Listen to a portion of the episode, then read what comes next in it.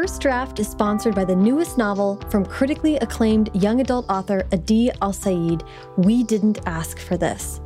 Inspired by The Breakfast Club, this timely new novel brings climate change to the forefront as a group of international students turn their annual lock in night into a platform to use their voice for environmental change. We Didn't Ask for This is a powerful look at not only how we treat the planet, but how we treat one another. It has already earned starred reviews from Publishers Weekly and Kirkus Reviews. And I know Adi, he is a fantastic writer and he's a world traveler. So his reflections on climate change come from personal experience. And this feels like a very timely and important book.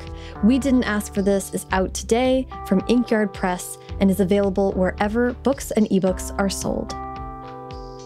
First Draft is brought to you by Highland 2, a writing software created by John August, screenwriter and co-host of the Scriptnotes podcast. Also, a, a guest on this uh, on this very podcast. His episode is fantastic. And uh, after talking to John and listening to, you know, hundreds of episodes of Scriptnotes, I heard him talk about developing this writing software and I decided to give it a try. I just finished writing a first draft entirely in Highland 2, and I'm obsessed with it. Um, here's why I love Highland it's so simple, but it's still really powerful. There's one navigation sidebar, and within that sidebar, you have tons of different tools at your disposal. You can drag bits of text in there that you might want to come back to later, or you can monitor your stats like word count and page count, or new words and new page count. The main screen where you write is this simple, endless scroll of plain text. But with just a few keystrokes, you can add notes to yourself in line without them showing up in the final automatically formatted version of your book. And you can export into many formats, including as a Word doc. Highland 2 is clean, beautiful, and organized which is to say, it didn't distract me. It just let me get in there and focus and write. I highly encourage you to go check it out. You can find it at highland2.app. That's Highland and the number two app, or you can also find the link in this episode's show notes. And if you do try Highland and enjoy it, let me know. I'm so interested. I was tracking my progress on my first draft in the Instagram story feed. Um, you can go in there and see, uh, you know, my uh, struggle, but Highland was the number one thing that people asked me. Everyone wanted to know what the software was that I was using, and this is it. So go check it out.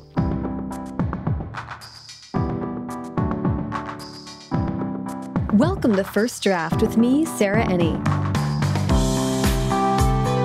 This week, I'm talking to Claire Comstock-Gay, the author of weekly horoscopes for New York Magazine's The Cut, whose debut astrology book, Madame Clairevoyant's Guide to the Stars, is out now.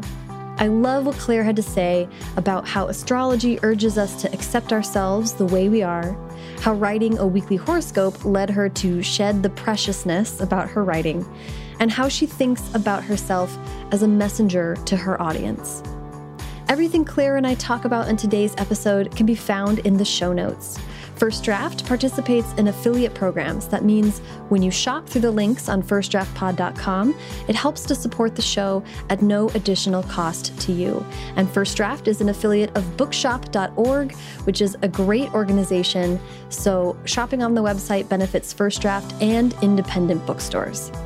If you'd like to donate to First Draft, either on a one-time or monthly basis, simply go to paypal.me slash firstdraftpod. You may have noticed something new and different in your feed this month. I've launched the first episode of Track Changes, a nine episode podcast mini series that will get into everything you don't know you don't know about book publishing. The first episode is already out. It is the one just before this in the first draft feed, and it's all about Publishing 101. The next episode, which will come out on April 30th, is going to get into everybody's favorite topic agents. Who are they? What do they do? Why do you need one? And how would you even go about doing that? It's a rich topic, so we really get into it. In researching for the mini series, I learned so much more than I could fit into nine episodes. So I've also launched the Track Changes newsletter, a subscription newsletter that every week will bring you further insights into how books get made. Both projects aim to provide transparency and give writers the information they need to think about their art as their career. You can sign up for a 30-day free trial of the newsletter and learn more about both Track Changes projects at firstdraftpod.com slash trackchanges. Okay, now please sit back, relax, and enjoy my conversation with Claire Comstock-Gay. So, hi, Claire, how are you? Hi, Sarah. I'm great. Thanks for having me. Yeah, I'm so excited to chat today. I'm so, um, I've been a long time fan of your horoscopes, so this is really a thrill. Yeah, I'm really happy to be here talking with you today. Yay. Um, so I like to start my interviews at the very beginning, which is where were you born and raised? Oh, I love it. So I was born in Washington, D.C., and lived in Baltimore until I was eight. My family moved to Boston for a year after that, and then we moved to New Hampshire, which is where I kind of think of myself as being from. That is kind of a, a decent amount of moving around. Yeah, it is. You know, and then I went so much more after that, even, right? I went to college in Iowa. I moved to New York after. I lived in New Orleans, and now I'm in Minneapolis. Okay, I love that. And kind of related to that, I, I want to ask about how reading and writing was a part of growing up for you. Oh, yeah. I mean, so I imagine you get this answer quite a bit on this podcast, right? But I was such a reading kid, just all about books all the time. I really loved reading mysteries and I really loved reading books about magic as a kid. Right. So, Ooh. like, yeah. um, and so I remember, right, like really kind of getting into reading, I think, through the boxcar children books, right, like kid mysteries, and then kind of the classic fantasy books, right? Like I was a Lord of the Rings nerd in fourth grade. And for this conversation, I want to ask about, you know, in your young life, was astrology a part of that at all? Were you aware of it? You know, it really was not even a little bit. I was kind of vaguely aware that it was a thing. I liked reading the comics in the newspaper, and the horoscopes are usually kind of right next to that.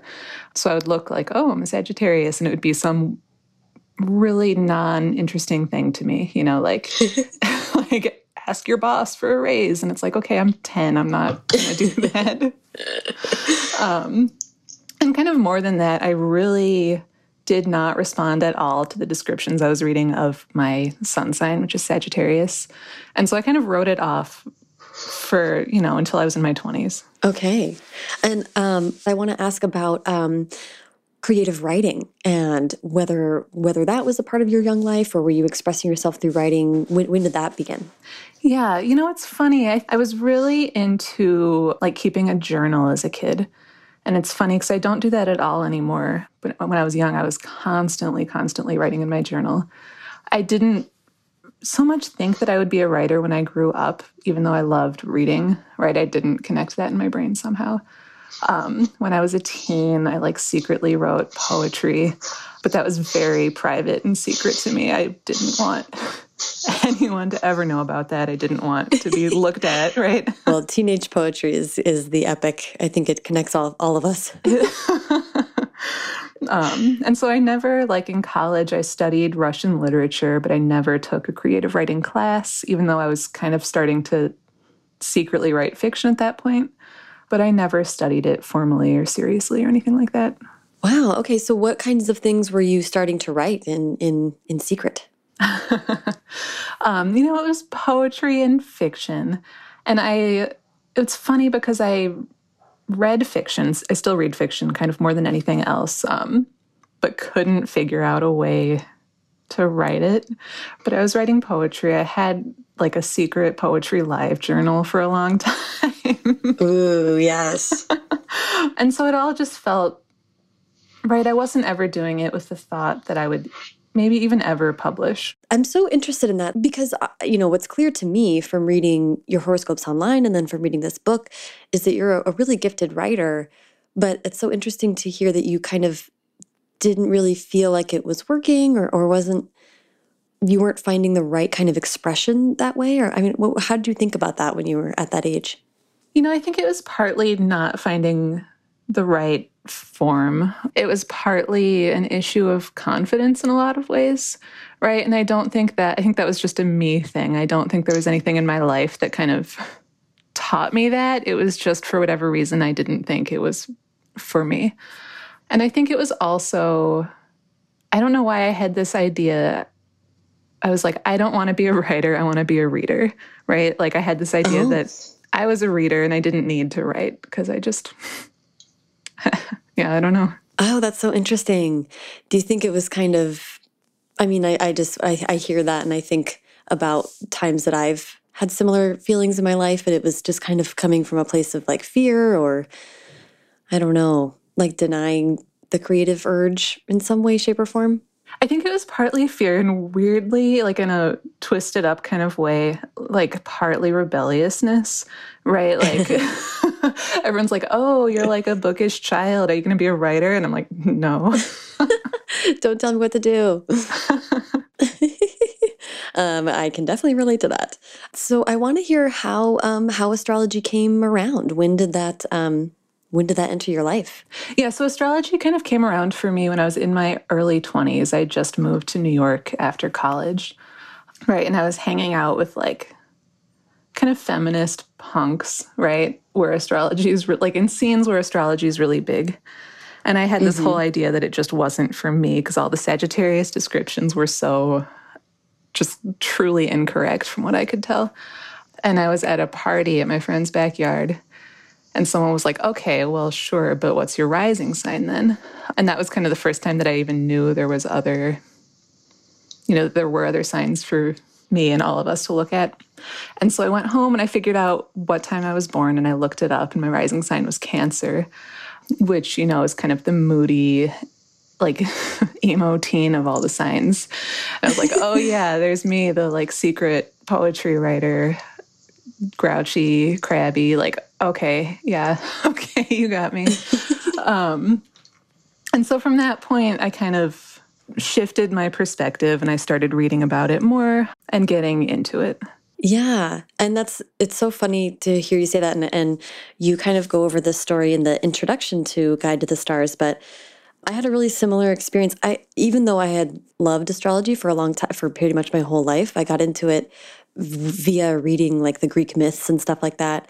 And I'm a I'm a Gemini, which you get into as well in a way that I appreciate. But it's because I never really it covered a lot of me, but not all of me, and it felt like an okay enough fit. And then when I learned about rising signs, my rising sign is Sagittarius, and it just totally unlocked it for me. I was like, oh yeah, that's all the other stuff that doesn't really jive with Gemini that is absolutely expressing itself in my personality. And and I actually let's I'll I'll come back to that a little bit when we get more into the book specifically because you do a really wonderful job of talking about um, and kind of embracing complexity. But um, I want to ask about, and this is jumping ahead a little bit, but I, but I can't resist. I loved in the book you wrote about um. I'm like, oh my, let's quote it. It's page five the intro, and you have this really wonderful passage where you talk about how when you discovered astrology at this point in your life, it was really an affirmation. Let's see, I'm going to mess up quoting this to you, but the gist of it is what I did need and hadn't found anywhere else was an affirmation that the way I was wired was fundamentally okay. I wonder if you can just explain that feeling. Yeah, totally. Well, and that really kind of gets to kind of so much of what I see as the value of astrology, right? Kind of in our understanding of the world and what it means to be a person, right? There's this kind of idea, I think, that there's a best way to be, and we're all trying to be that best way, right? And so we're trying all of these different ways to kind of optimize ourselves and become better and become, you know, just like normal. And astrology kind of is here to say, like, no, there's all these different like totally contradictory, totally different ways of being. And this is all baked into who you are, and it's all fine. Right. And so, like with cancer, you know, it was a lot of the kind of really private moodiness that I always felt like wasn't good, and I should kind of try to like sand off of myself, right? And astrology comes and it's like, no, that's just how you are, and there's better ways to deal with it and worse ways to deal with it but that's it, just it, and that's fine. Or um, like with my Sagittarius self, right? I'm constantly beating myself up for being a little like restless and flaky, And astrology is like, no, that's not wrong. You just have to learn how to deal with this. Yeah, I connected so much to that. And I, and it really was kind of like I read it and was like, ding, like, oh yeah, I think that is why I feel so, um, you know, and we'll, and we'll get into it a little bit more later, but you know, I, I, have a lot of skeptics in my life and kind of explaining to them why astrology is truly so meaningful to me. Yeah. You just gave me a great explanation because the other thing I really respond to is I don't know if you've read her, but Gretchen Rubin is a writer about kind of human personalities and and she also has a metric that is just kind of saying this is how some people are. I've noticed a pattern. It's not like you're trying to she's not trying to suggest that you try to be one or the other. She's like this is just kind of a tendency you have. And I just felt so soothed by that. I don't think we were raised with a lot of um, with a lot of uh, messages of accepting ourselves. Yeah, I really agree. And I think accepting ourselves, right, just really for whatever it is that we are, right? Yeah, not just accepting our good traits. okay, I want to kind of shift to talking about how you started writing horoscopes. Yeah. It really kind of was just me getting tremendously lucky and falling into this. So, a friend of mine, the writer Molly McCardle, was editing for the Rumpus, for like social media for the Rumpus. Um, it's a literary website. Mm -hmm. And she wanted to do, she just thought it would be fun to do horoscopes. So, she asked me if I would do those, kind of knowing that I had a, you know, really a casual interest in astrology. And so I did. And it's funny because I really started, you know, I started writing horoscopes. You know, you could say it was a little bit too soon because I was still learning a lot about astrology at the time. And so I kind of learned as I was writing and never expected it to blossom into what it is now. Right? I didn't get paid. I this was in 2012. I wrote them for 3 years weekly just for fun, which seems like incredible looking back that I had the time and the energy to do that. Yeah, that's wild. Yeah. Right, but it really was fun. It felt like a fun kind of low stakes, interesting writing exercise that let me think about right kind of craft and especially audience in a way that I hadn't ever been able to do before. Yeah, okay, those are all things I really am interested in. The this is such an interesting almost like thought experiment about as like a writing prompt it comes with baked in structure and also a really hard and fast deadline. yes. Oh my gosh, yes. Thank so, God for deadlines. Where, right. where would we be otherwise? and also, like, um, you wrote in a New York Times piece from, I think, 2015 that in the rest of my writing, I'm much more critical, but that's not the job of these horoscopes. And it kind of made me think about having to write something every week is a great way to sort of lose some of that preciousness that might prevent you from from writing or publishing otherwise. Totally. Um, right. Partly because of just the sheer volume that you have to keep cranking them out at. And partly there's something really nice about kind of vanishing nature of horoscopes. Like sometimes people re will revisit, especially meaningful ones, but it's not as though these are going to be you know, anthologized and someone can read these horoscopes. They're really time, not time sensitive, right? But like they're really tied to a moment in time. And so kind of ephemeral, I guess, and it lets you be a lot, or it lets me be a lot freer as I write them. Yeah. It, I mean, it's also reminding me of uh, you talking about writing a journal when you were younger. I mean, I would argue, I guess, that this kind of could be seen as taking the place of that. Totally even though it's not explicitly writing about your life, it's all it's definitely a reflection of your worldview and, and expressing your interpretation of humanity. And that's a great a great way to journal in general, I would say. Absolutely. I want to ask about that learning on the job. I think that's so interesting. And I'm I'm curious about like what was that process like? What resources did you go find for that? what was what, what was your your um, journey? Yeah, I mean, so it was really just a lot of kind of reading whatever I could find. I started. I don't know if you know the website Cafe Astrology is kind of like a classic, mm -hmm. classic gateway website, and so I read that a ton. I would look at books, um, and what I really wanted actually, I really wanted kind of a narrative book that you could just read. And there I really wasn't finding anything. And that's kind of a lot of what I was thinking about as I wrote my book was trying to write what I would have liked to read when I was just getting started. Right, because there's so much information in astrology. There's so many different kind of interconnected moving pieces. And if you right, like I'm a Sagittarius, I like the big picture. Mm. And it just felt really granular in all of the books I was reading and hard to kind of get get a grip on what this whole system was like, you know, at, overall versus these little nuggets of information. Right. And and you mention it in the book that there are lots of kind of almost technical manuals and and those are great too, especially if you're in the place where you want to get really deep into the chart and get granular, but yeah, approaching it from a narrative way is is so different and, and like underrepresented like you're saying. Yeah. Yeah, because there's right, there's a ton of really excellent books for learning how to do a chart or whatever. But really like for me, right, I think of astrology just for myself, it's useful kind of as a broad way of seeing the world, right? Versus looking at the little elements on a chart. And that was what I was looking for and not finding the way I needed to find it. And, and I want to talk about, about your development. I mean, what strikes me is about, about the many years that you spent writing and still write horoscopes is just how much you must have developed your voice. And, and you mentioned a little bit about audience. I'd love to just hear you know how over the years your writing has developed and also just your your conception of an audience or how you think about your writing all that good stuff. Yeah.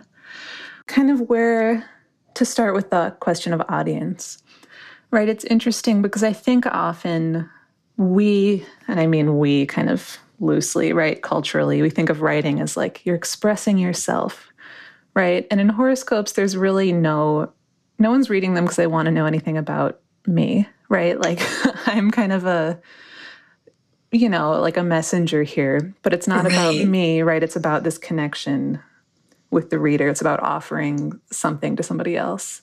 And so, and a lot of right, a lot of the best writing does that anyway.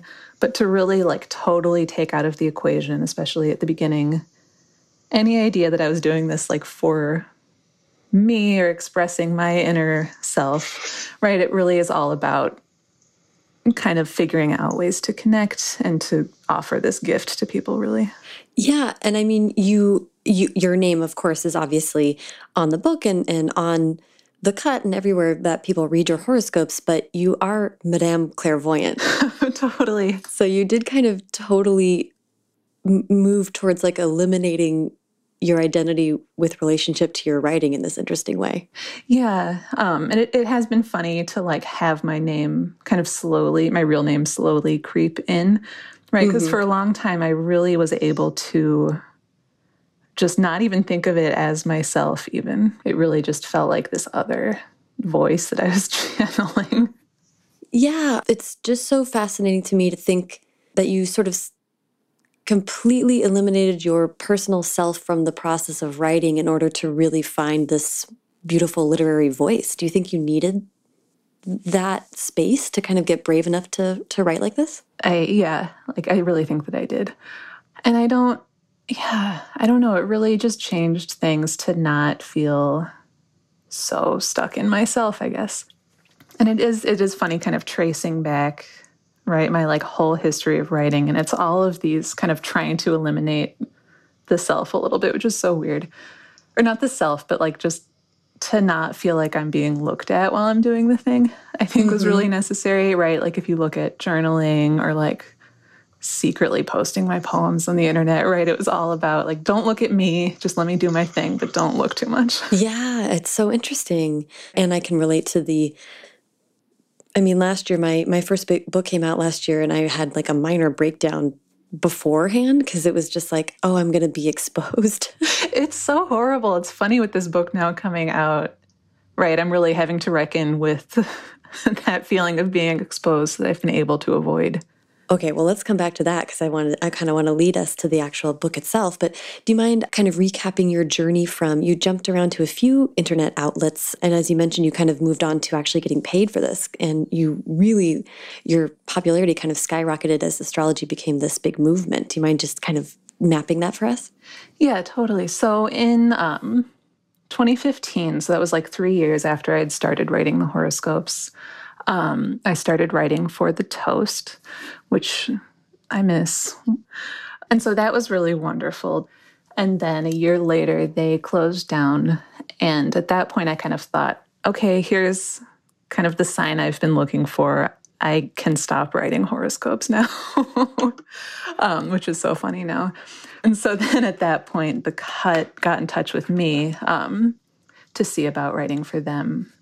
Um, and so that That's was so really kind of, you know, just this stroke of truly wild luck. And I don't mean, oh, so undeserved, because that's not it. But it's just funny that it shook out that way. Yeah, that's so interesting. I love that they came looking for you. That's so smart of the cut. they're very, I love the cut. I think they're very smart and they're great to write for.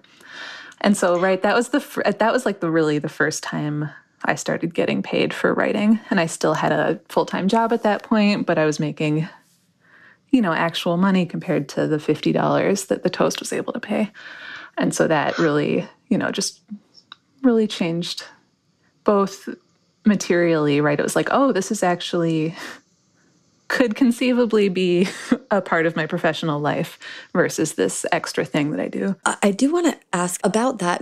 I love you talking about, I mean, the fact that you're then moving on to this really giant pre-existing platform and that you're getting paid. I mean i guess in my mind you know i don't know but the cut is like where i go for everything so um, it feels massive. I'm so interested in how that you know did you have any kind of like conscious reckoning with how you were writing them or did it change how you approached writing them in any way? I think in the beginning i was just a little bit more fearful suddenly right? Mm. um like my name was showing up on this big website, my real name, um, mm-hmm. and I was getting paid, and suddenly I had something to lose a little bit, right? Which I didn't mm-hmm. before. I think totally coincidentally, like right when I started writing for The Cut was also exactly when I moved out of New York. Oh. Yeah. like a hundred percent a coincidence. And I think that helped to kind of you know, protects me emotionally a little bit, right? Just feeling like I'm a little bit removed from the media world, even as I'm stepping into the media world. It let me yeah. keep the focus on the work itself versus kind of any of these other things that suddenly became factors. Yeah. I mean, do you mind me asking what what led you out of New York? Yeah, I mean, kind of really broadly, it was just wanting to live somewhere else again. I had left mm. New York once. I moved to New Orleans, which was great, and then moved back and then just wanted to go somewhere else. I really love living different places. And so he, and we ended up moving here because my partner was able to transfer his job out here. So it was kind of an easy, low risk move to just a different place. Yeah, I love that. And that's so funny to have those coincide like that and to get the illusion at least of of uh it's kind of like being able to go into the woods. It really quite yeah. I love that. Um I want to ask about audience in in this way like having a much larger audience at that point for your writing this is a very particular kind of writing. It uh, people bring a lot of emotion to it, and a lot of um, I'm you certainly are, are very clear about not being like people looking to this to like buy a car on certain days or something like that. It's not that kind of horoscope, but people still really engage with it in an emotional way. And I'm just wondering how you think about that. Yeah. I really feel like it is a gift for me, right, to be able to connect with people in that way. I think right? Obviously, the point of any kind of writing is to connect or to communicate something with other people. That connection takes on really different forms in different types of writing, right? And the connection that I'm able to make is this really intense, really personal, really specific feeling to readers sometimes, I think, right? It's just this extra intense connection. And it feels a little bit heavy sometimes, right? Because I'm just a person, right? like, I'm not magic. I don't have extra anything. I'm just a person who's doing this work. Right. well, and that's kind of my point of interest with it is is that it is a lot to take on. And you're uh, like I said you're very clear about kind of your interpretive style. Like you I don't think are claiming to bring it kind of like a technical prowess to this. It's sort of you you as like a, a narrative interpreter of the world, but but yeah, people really do latch on to horoscopes in a unique way. Yeah. I once was doing an interview, um, and the person was really kind of pressing me, like, how would you feel if someone like broke up with their partner because of your horoscopes? Right? Oh she had all these questions like how would you feel if someone really did something because of what you wrote? And i i don't know like i got the impression that she wanted me to be a little bit freaked out by that or something. Hmm. right? I don't know. yeah, well. um, but it's like I, I don't know. I feel like I try really hard not to instruct people to do anything, right? And so if somebody does something because they read my horoscope, like that's something they have been wanting to do, right? Mm-hmm. Like that's something they really needed to do and wanted to do. And took this thing as permission to do it. And so they did it, right? Like is right or wrong, I don't know, but that's how I how I tell myself it works. Yeah, no, that's that's so funny. I do want to um, not skip over. Uh, also, in that New York Times article in 2015, you talked about your interpretive style. I kind of want to express that a little bit more to to the listeners. You wrote in there that instead of continually attempting to read the stars, I began reading people. Do you mind kind of describing what you meant by that? Yeah, I mean, I think it really is about people, right? And I think, you know, most astrologers understand this in their own way that there's this conception, I think, among skeptics that astrology is all about, right? Like kind of being head in the clouds, like, oh, the moon, the sun, da da da. But none of it really means anything on its own in our lives, right? It's all about us and kind of the way we reflect the stars or the way the stars reflect us, however you want to see it. But it's about human feelings, it's about human interactions. Yeah. And and you you wrote in there that you kind of uh, uh, your example was like instead of looking at a star chart about Capricorn or something, you were thinking about Capricorns in your life and thinking about where they were in their journeys and what connected them as far as what they might need to hear at that time. Yeah, it really is fun. I feel like that's kind of as I was still learning really how to do horoscopes, it was so mm. helpful to think about kind of the patterns and echoes among the people I knew in my life. Right. And this is the kind of thing where skeptic's like, oh, classic confirmation bias here. it's like, what is, you know, see it however you want. I don't care. But you really do, if you're paying attention, if you're looking in this certain way, you'll start to notice all kinds of like really bizarre similarities and just bizarre patterns among people. Yeah. Oh man, it's the best. I love those moments where you're like, oh yeah. I mean, I have a ton of Leos in my life, and let me tell you, a lot of through lines there. okay, I want to really quick ask about. Uh, we're going to get to the book in just a second, I swear, but I want to ask just about your routine. Uh -huh. um, you know, you started writing for the cut and then you moved mm -hmm. and you started to get paid for your horoscopes. I'm just curious about how your routine has shifted and, and what is your kind of day to day like? Yeah. Well, so really the hugest change has been um, once I got my book deal, I was able to quit my job, um, mm. kind of mm. with that plus the cut. So I don't work full time anymore, which is really, really wonderful. Yay. yeah, the best. I don't stick to too much of a routine though. Um, right. I know a lot of people have kind of their you know rituals their schedules. I try so hard and it just doesn't work for me right? I have to just do whatever i'm going to do that day. And so sometimes that means really sitting down and writing all day long. Sometimes that means writing three sentences and then walking the dog right? Mm-hmm, mm-hmm. Um, and so i strive, I dream of being a person with routines. That's not me right now. we'll see. yeah, no, I relate to that big time. It's like you and you can at least in my case i'm like oh i've done something four days in a row. This is great. I did it. And then it just falls apart like immediately. And that's fine. It just kind of, it is what it is as long as the writing's getting done. It is. As long as it's getting done and as long as i guess this is the main thing is as long as i'm not like beating myself up about it mm. right because that's where you really or that's where i really start to kind of spiral and think like oh my gosh i'm so awful. It's like no just do what you're gonna do you know that it'll get done. It's fine. Yeah, exactly. That, that acceptance, like you're saying. Yeah. Um, just like I've done it in the past. I don't have to do it the way everyone else does, or did, or however we think that they do. I mean, who knows? Totally. Okay, let's start talking about Guide to the Stars.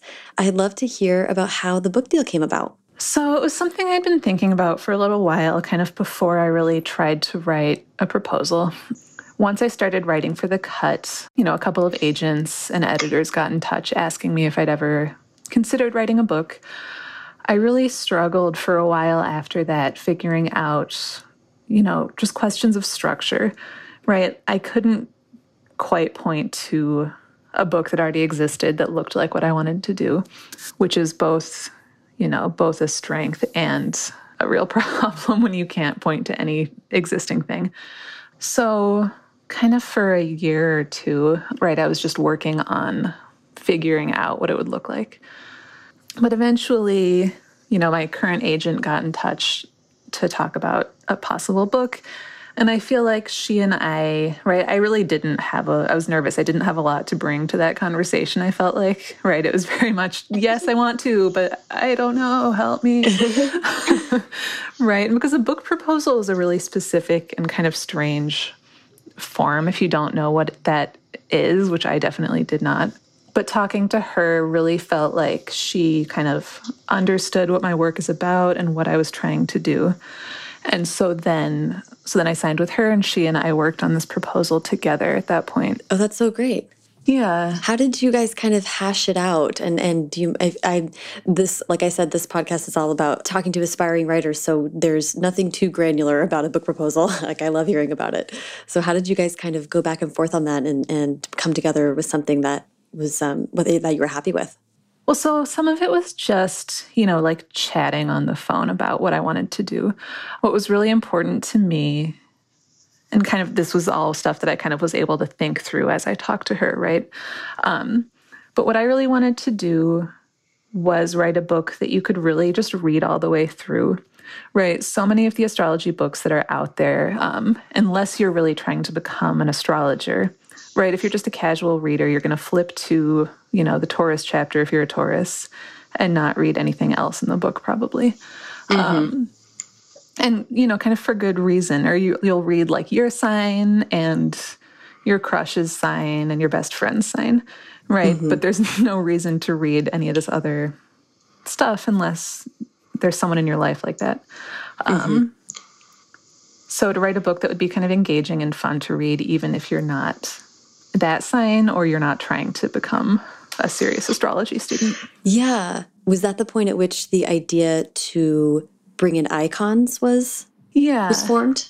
Because i was thinking um like astrology comes alive kind of in other people for us right? And unfortunately we don't all know the same people right? I can't write about the people that i know because you don't know them. And so this is kind of the work in general i think that famous people do for us right? Um like i think about the way that i and my friends can talk about the contestants on The Bachelor as though we all know these people, right? it's like, no, none of us know them, but we all know them a little bit. And so using these kind yes. of popular figures to do that work for us. Oh, that's so interesting. I actually just was talking to, I don't know, maybe you know her, uh, Courtney Maum wrote the book that's called Before and After the Book Deal. Yeah. And it really breaks down the publishing process and, and is a fantastic guide for new writers. But she was saying, that since the book came out, the reception she's gotten is that people can use the book as like a portal to have conversations hard conversations because they they don't have to say like hey i was wondering about advance structures because i don't understand that. They say like in in her book courtney says this about advance structures. Do you find that to be true? So it's like way that you can have conversations without being too vulnerable or or too, uh, being too scary Um, I just so, yeah, I read that book, by the way, and totally wish that I had read it before doing all of my stuff. Like, just thinking how much easier it would have been. Oh my gosh. I know. It's such a great resource. I'm so glad it's in the world, but I couldn't agree more. I read it and was like, wow, where was this five years ago? Seriously. yeah, I really love that kind of thought process of bringing in these. I mean, I definitely read my my chapters: Gemini, Sun, and Taurus Moon, and Sagittarius Rising, and uh, I love the Taurus chapter, especially talking about all the pro wrestlers. That was like yeah. so must have been so gratifying for you to see that connection. It was, I think, kind of all the way through. It was really fun to figure out right what connections I could work with. And it's so much fun when you're just like, oh, I wonder if they're a Taurus too. And it's like, yes, great. do you have like a spreadsheet of many people's signs somewhere? I do. Um, constantly adding to it. It's so I much fun that. to see the connections bubble up. That's so funny. Um, actually, I, I want to pause and just actually have you pitch the book really quick for us. Yeah, so Madame Clairevoyant's Guide to the Stars is it's a narrative exploration of astrological archetypes using, you know, not the figures in mythology that we're used to, but kind of pop culture archetypes instead. Yeah, I like it's kind of like, you know, astrology's roots are in storytelling anyway, with um, Greek figures and myths, and this is these are our our Greek myths, right. celebrities. Uh, the Olsen twins in mine, which I loved. I was also like, wow, I remember the plots of all these movies. Gosh, I guess I did watch all of those. what I'm I'm curious about. Okay, so you and your agent worked together to put the book proposal together. Then what was the process of moving to work with an editor and, and how did the book kind of form into its final shape? I guess it would have been, yeah, so it was like the summer of 2018 that we went out on submission, which of course is like just the most horrible time ever in a writer's life. Right. It's really exciting and really horrible because you're so mm-hmm. vulnerable. You want this thing so bad and you have no control over what happens with it at that point. I was lucky. I ended up getting three offers on the book and went with with Harper in the end um, and was really thrilled just because in the conversation with my editor there right? She just really seemed to get kind of what my work is all about, what I was trying to do with it. I feel like I was really lucky, right? Both my agent and my editor are young also. And I think, right, there's kind of a debate over is it better to have an experienced agent or a younger agent?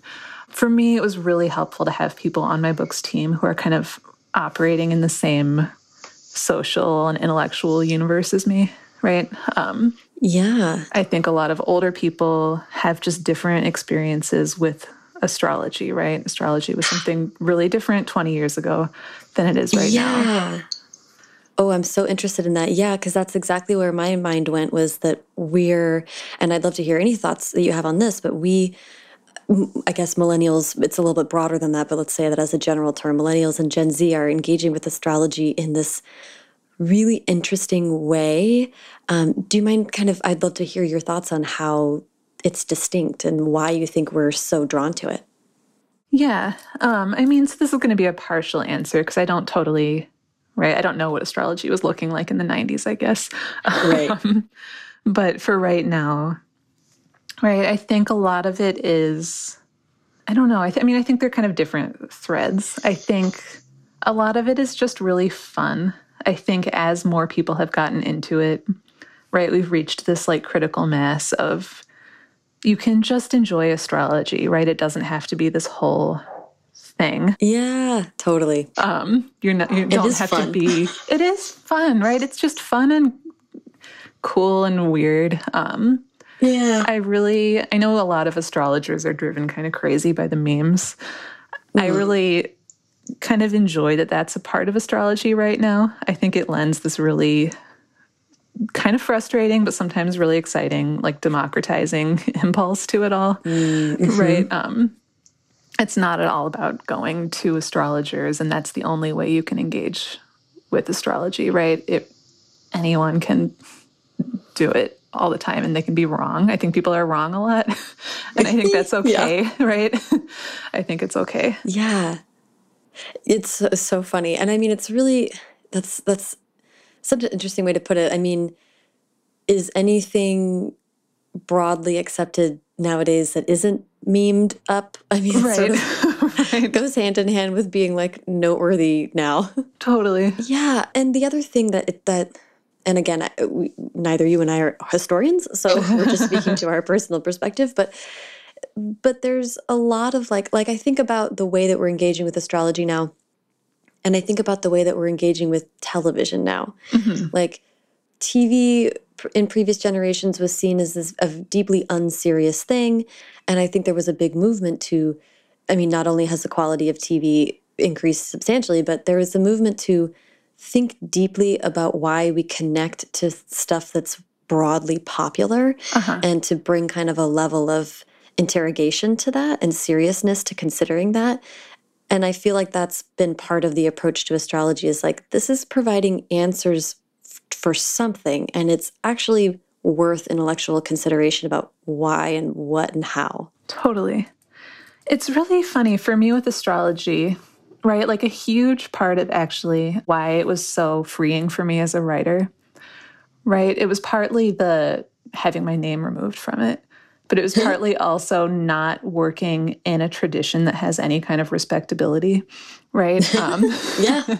and so it wasn't like oh if you write a good enough short story it'll go in the new yorker right but it's like oh if you write a good enough horoscope what happens nothing you just wrote a good thing right, right. like there's no awards that you're going to win for doing good astrology writing and yeah. so just getting out of right the like old respectable forms i think has been really valuable for me.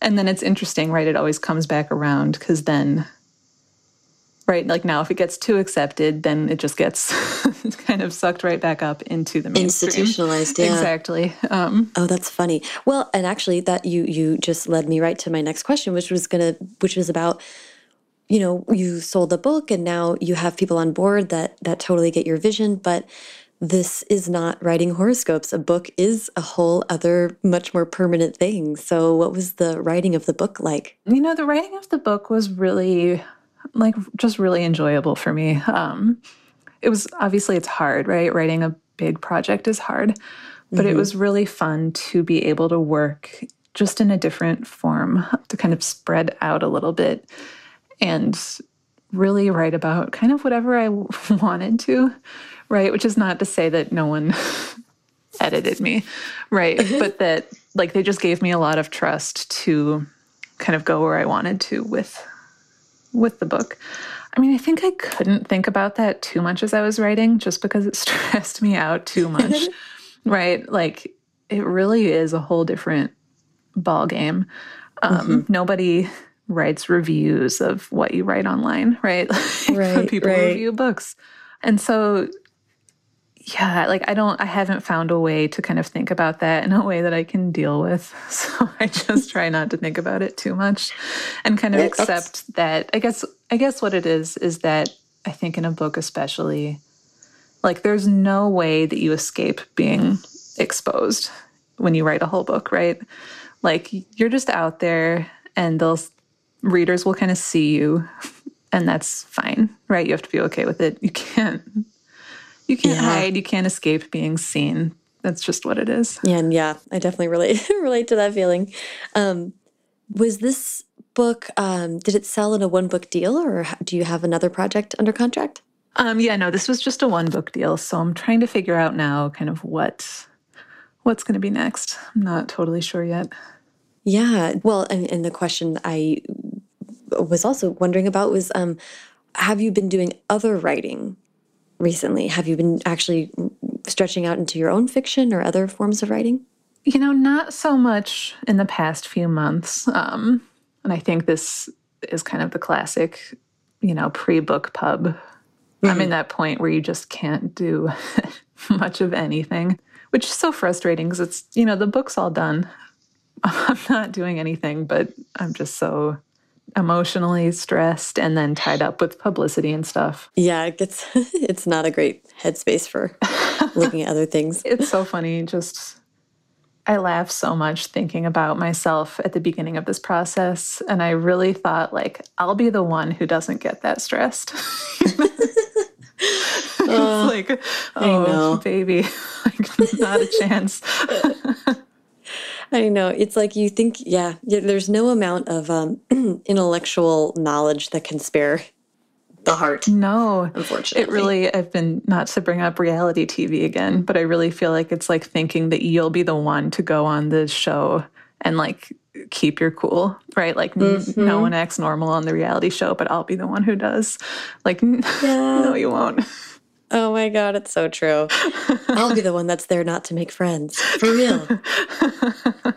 Yeah, that's hilarious. But have you been writing your own fiction in the background over the last few years, or are you interested in kind of getting more serious about other forms of writing? I have. I've been working on a novel that's kind of stalled out at the moment, but hopefully, once this book is out in the world, I'll be able to kind of return to it more seriously. Yeah, I love that. And and would you think about writing more in the astrology space in within a, the realm of a book? Yeah, I mean, I would think about it. I'm not sure right now. Right, like looking right now, I don't know what else I have so much for an astrology book, but that's not to say that I wouldn't suddenly have an idea. Yeah. You know, it's and it's it's such a beautiful book and I love that you had that kind of that concept of what you were going for and you really achieved it so so wonderfully. So it's not to be like, what's next at totally. the, at the expense no, of saying this this thing right now is a really beautiful, wonderful thing. Thank you. And I'm not trying to avoid the question. It's just like, oh my gosh, how do I even think about right, like committing to another project again? Ooh. I know. And these things are not, you know, you're not signing on for like a weekend away. It's like, okay, the next four four years of my life will be right. um, um, well, let's see. Um, was there anything else about Guide to the Stars that you wanted to get to or talk about specifically? Oh, you know, not really that I can think of. These questions have been really fun and really great. Oh, good. I'm so glad. Well, I like to wrap up the the episodes with advice. And I don't know, this is so funny. I mean, I'd love to I guess I'd love to hear your advice for writing horoscopes. yeah. okay, advice for writing horoscopes. Um Oh man, okay. I love this question. I don't even know. I mean, I think my advice for writing horoscopes or astrology is right. On the one hand, there are kind of these solid, time worn, ancient structures in place that are true and correct and they exist. But everybody's just interpreting them, right? There's nobody who's got like a direct line to the real correct interpretation. And so you're allowed to trust your own intuitions about things. You're allowed to have fun. You're allowed to decide that, you know, if something feels wrong to you, like really in your heart, it's wrong. That's okay. Yeah. I love, and I'm really glad that you brought that up because that was something else that I underlined in your introduction was the true emphasis on the subjectivity of this as like an art form. I think there's a lot of, at least I'll speak to to my feeling is that part of the reason I think that astrology has blown up so much is also with this return to, how do I want to say this, establishing a respect for women's intuition and like what women experience and and believing and trusting how women interpret the world. Yeah, I think that's totally correct. Right. And I think it's kind of part of this broader idea, right? The kind of the all the like rules that mainstream culture, right, have told us that we have to follow. Right? Like we're allowed to say no. We're allowed to think astrology is cool, right? We don't have to be like, oh no, yeah, oh no, pseudo, whatever. Um, yeah, yeah, I totally, I, um, I love that, and I guess it's so funny. I'm like, oh, you know, part of, I, I actually made my own astrology signs. I I go to Burning Man every year, so I made a. I go to Burning Man every year, and my camp is a cult. So I thought, oh, for our cult, I'll make a new set of astrology signs, and uh, doing that was so freaking fun. And it really was like, oh, this is part of the joy of astrology is is like just getting in there and thinking about how how is this establishment of kind of archetypes and trends that we've all seen in human beings around us how does it play out in my life and, and what connections am i interested in talking about and exploring? So it's so funny. I'm just realizing that your my question about how to write horoscopes is, was for me and me alone. Oh i love it. It was a really fun um, really fun challenge. And then i had a lot of people be like are you you're like messing with the universe coming up with this on your own and i was like no i don't think so um, amazing well um, this has been such a fun chat claire i really appreciate you taking the time to talk to me this morning thank you so much thank you so much to claire Follow her on Twitter at Madame Clairevoyant. That's spelled the fancy way, so it's M M E Clairevoyant. And clairevoyant is C L A I R E. It's cute, guys. You can also follow her on Instagram at clairecomstockgay, and you can follow me on both Twitter and Instagram at Sarah Enni and the show at First Draft Pod.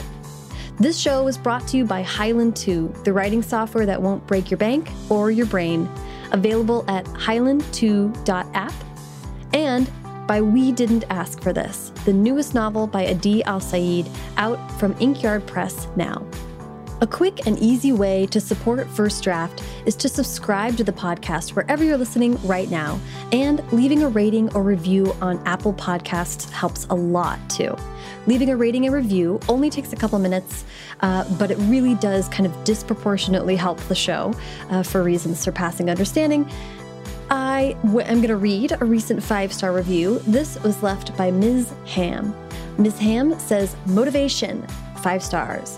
Sarah has such interesting guests, and I love the new mailbag episodes. Listening really helps motivate me to write and work towards my dream to publish a book. Miss Ham, thank you so much for that. I'm really thank you for the feedback on the mailbag episodes. I've really enjoyed those too, and um, you know, I wanted to introduce a, a, lot more interactivity and engagement with you guys. So I'm hoping that that is what we're achieving with those mailbag episodes. Thank you for taking the time to leave that review. It really does help the show. Finally, if you have any writing or creativity questions that you'd like me and a guest to answer in one of those aforementioned mailbag episodes, please call and leave that question at First Draft's voicemail box. That's at 818 533 1998 or you can record yourself asking the question and email it to me at mailbag at firstdraftpod.com. The point is, I really would love to have your lovely voice asking the question so we can include it in the podcast version of the mailbag. So, you know, help me out. Haley Hirschman produces First Draft, and today's episode was produced and sound designed by Callie Wright. The theme music is by Dan Bailey, and the logo was designed by Colin Keith. Thanks to transcriptionist at large, Julie Anderson, and as ever, thanks to you, Emo Sagittarii, for listening. Sag- Sagittariuses? Sages? Well, I don't know. uh,